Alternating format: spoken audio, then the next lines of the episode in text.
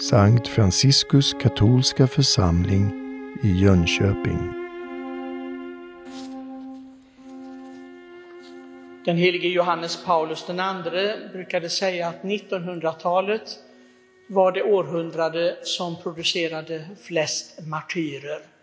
Och det tänker vi kanske inte, vi tror att det var de första århundradena. Men om man räknar på det så är det mycket troligt, och särskilt om man ser på världens historia under 1900-talet, vad mycket som hände, så mycket förskräckliga saker som hände.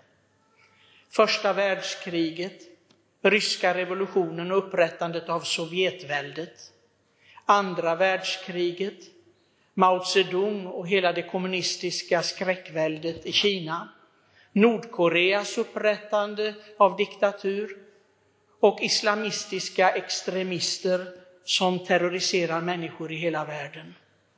Ja, listan är lång, den kan göras längre. För att inte tala om alla de uppgörelser, blodiga uppgörelser som har skett och sker ännu i Afrika. Och som påven talade om i sitt Urbi et Orbi-budskap på påskdagen i Peterskyrkan. Det är en skamfläck, sa han, för mänskligheten. Men mitt i detta elände så kallar Herren en liten kvinna i Polen, syster Faustina Kowalska.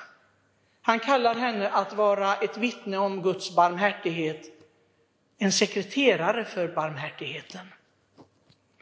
Jag vet inte hur pass mycket hon trodde att det här skulle få genklang i kyrkan och i världen. Det här budskapet från Herren. Hon skrev ner det troget i sin andliga dagbok som många människor borde läsa. Den finns nästan på alla språk, men den hjälper en verkligen att leva det kristna livet, om man nu läser den på riktigt. Den heliga Faustina fick eh, tala om och höra Herren tala om vad det är som behövs i denna barmhärtighet. Barmhärtighet är ett väldigt vackert ord på svenska. Det vet ni väl alla vad det betyder. Det är att föra någon, hålla någon i sin barm, vid hjärtat. Det är vad det betyder. Och att hålla någon vid sitt hjärta, det är en väldigt svår sak. Jag tror att även de som håller ett barn, de tröttnar till slut, de orkar inte hålla dem hela tiden. Men det är det det handlar om, att hålla någon vid sitt hjärta så som Herren håller var och en av oss vid sitt hjärta. Det är det han gör. Det är fantastiskt att tänka på denna barmhärtighet som är så öppen och strålande från Herren och som han ville mitt i detta hemska sekel, 1900-talet, att det skulle basuneras ut. Ja, det dröjde ju innan kyrkan officiellt proklamerade denna särskilda barmhärtighetens fest som vi firar idag, andra påsksöndagen. Det skulle dröja ända till år 2000. Men det genomsyrats under historien strax efter att Faustina hade utandats sin sista suck. Det gick inte att stoppa detta budskap om barmhärtigheten. Så vad, är då, vad, vad innebär då den här gudomliga barmhärtigheten som heliga Faustina skulle tala om? Och eh, jag brukar nu varje år sedan vi börjar fira detta i kyrkan tala om barmhärtighetens ABC som jag fick lära mig. Det första det är att be om barmhärtighet. För sig själv, vädja för sig själv och för alla människor. Det hör ihop. Du kan inte bara be om barmhärtighet för dig själv, undervisar Herren. Och jag tror att det är väldigt viktigt att många förstår det. Och det är en, det är en svår sak. Andra människor är oftast ett hinder för oss att ha frid. Moder Angelica hon brukade säga ofta så här, tänk vad många människor jag önskar skulle slinta på ett bananskal. Och det är så, och så, och så tillägger hon, om inte det vore för andra människor så skulle jag vara helgon på nolltid. Jag tror jag det. För då är det ingen som, som, som stör en. Och det är lätt att bli helgon, tror man. Men det är ju så, det är inte så det är. Jag läste i Ökenfäderna, det var en munk som gick ut och han hittade en plats i en liten skog och där tänkte han, nu är det är ingen som vet var jag är. Och han gömde sig där och han bad. Han bad som aldrig förr och han fastade och han, han, han riktigt njöt i Gud. Vad underbart! Och jag slipper allt stå hej i världen. Och det började bli som ett ljussken, sa de, över den här skogen som, som ville visa att här finns det en helig man. Och människor började komma, den ene efter den andra, för de ville ju se det här helgonet, de ville höra helgonet, de ville ta på helgonet. Och till slut så blev han så irriterad att ljuset slocknade. Han tyckte att de andra var bara en stor börda. Och jag tror att det är så ibland, åtminstone är det så för mig. Det kan jag erkänna. Att andra människor är orsak till irritation. Men det, jag tror att det är rent mänskligt, det, det är så för alla. Men ändå säger Herren i evangeliet, det är inte Faustina som kommer med någonting nytt här, vi tror inte detta. För då har ni förstått det fel. Det är Herrens evangelium som säger att vi måste vara barmhärtiga och be och vädja om barmhärtighet för andra. Många katoliker, det finns även icke-katoliker som älskar helgonet Lilla Therese. Vi har ju ett, en vacker staty av henne där i hörnet. Och hon talade om att min uppgift här, och hon ville säga allas uppgift, det är att rädda själar. Systrarna tyckte inte om när hon pratade, hon talade väldigt ofta om detta. Och systrarna var irriterade och sa, du, syster, du, du ska nu hålla tyst om det där, inte säga det på det viset, därför att du räddar ingen. Det ska du vara medveten om. Det är bara Herren som räddar. Men syster Faustina, hon gav sig inte. Hon sa nej. Jag, jag har läst Paulus, för hon, hon var mycket inspirerad av aposteln Paulus. Och aposteln Paulus sa ju att jag uppfyller med mina lidanden det som fattas i Kristi lidande. Och heliga Therese, hon hade förstått vad det betydde. Det betyder att jag är medhjälpare i frälsningsverket om jag också offrar mitt liv, accepterar mitt liv helt som det är med alla dess lidanden och glädjen och allt vad det är och ger det förenade med Herrens lidande och korset för människors frälsning. Och hon bad ju särskilt som ni vet för präster. Särskilt för präster som hade svårt att, bli, att sträva efter fullkomlighet. Det kände hon särskilt för. De andra systrarna de är mer eller mindre bortglömda. Men hon blev en kyrkolärare.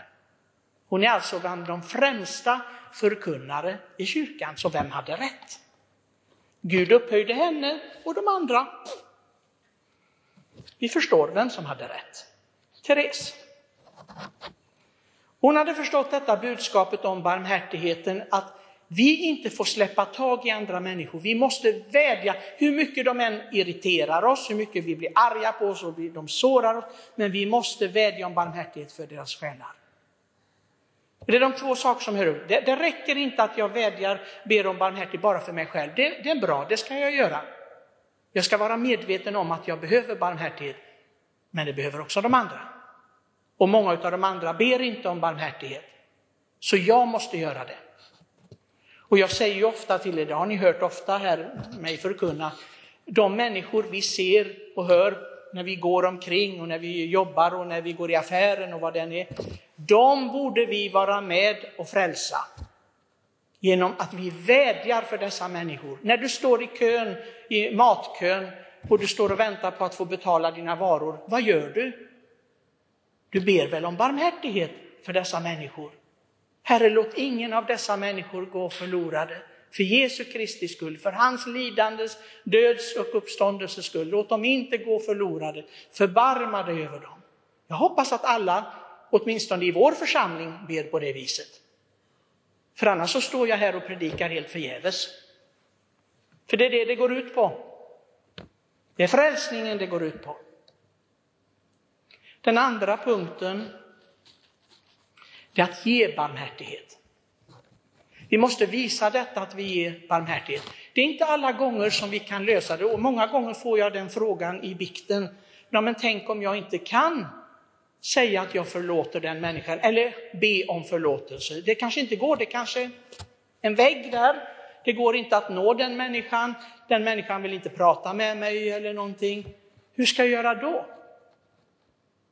Du kan ju förlåta i alla fall, för jag tror inte att Herren tog i hand dem som korsfäste honom eller, eller talade med var och en.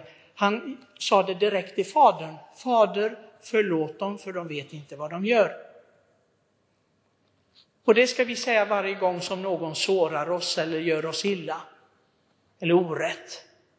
Fader, förlåt honom, förlåt henne, för hon vet inte vad hon gör.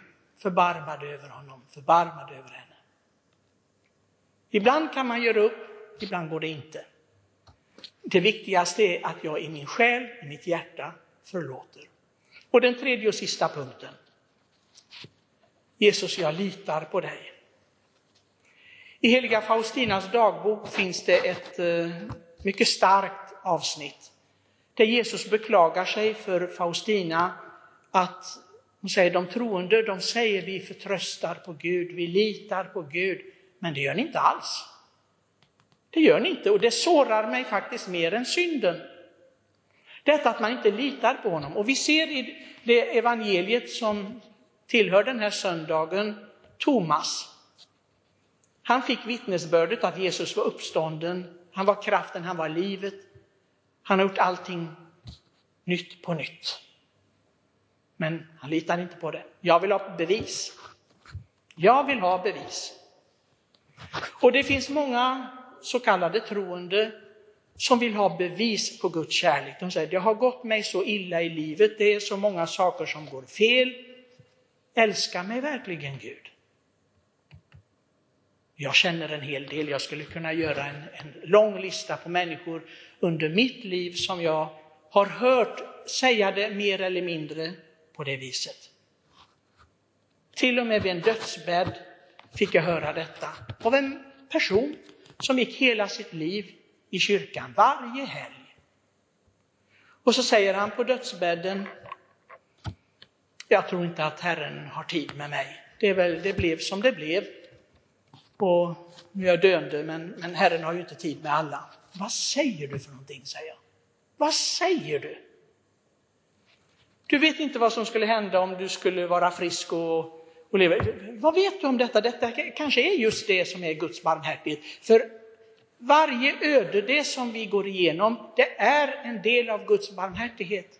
Vi tycker att det är hårdhet, vi tycker det är brist på kärlek från Gud, att Gud inte förstår oss, att han inte hör vår bön.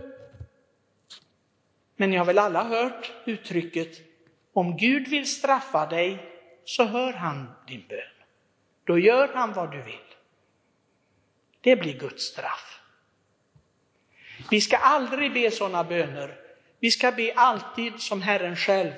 Inte min vilja, utan din vilja. Då lever vi i denna barmhärtighet och tro på att Gud kommer inte att låta ske någonting i mitt liv som inte är präglat av hans kärlek och omsorg. Vi ska inte, vi ska inte inbilla oss någonting annat. Vi ska inte vara en Thomas. Vi fick, han fick tillrättavisning han fick en stark tillrättavisning. Ja, nu tror du. Nu har du bevis, det är inget märkvärdigt med det. Men saliga, lyckliga är de som tror utan dessa bevis. Jag hoppas för mig själv och alla de som jag känner och ber för att jag får tillhöra den gruppen. Saliga de som tror utan att se. Låt oss verkligen i vårt liv öva oss i denna att lita på Gud. Barmhärtighet, men också att lita på Gud. Det är, det är någonting av det viktigaste i vårt liv. Det är tyvärr många som inte gör det och även så tror de sig vara kristna och troende. Att inte lita på Gud är en djup olycka. Vi ska säga varje dag, även om vi inte ber hela barmhärtighetens krona jämt och ständigt, låt oss ändå ha detta som en slags mantra, säger jag till många. Och så fort de kommer och biktar sig och talar om detta att de tvivlar på Guds kärlek, så här. idag ska du hela dagen be Jesus jag litar på dig, Jesus jag litar på dig. Ja, men någon opponerar och sa, men tänk om jag inte gör det då? Då är det ju falska ord. Nej men du övar dig. Du övar dig. Det är så man kommer någon vart genom att öva sig. Och vi ska verkligen öva oss i detta så att vi kan ge det vidare till andra så det blir trovärdigt. Jesus, jag litar på dig. Amen.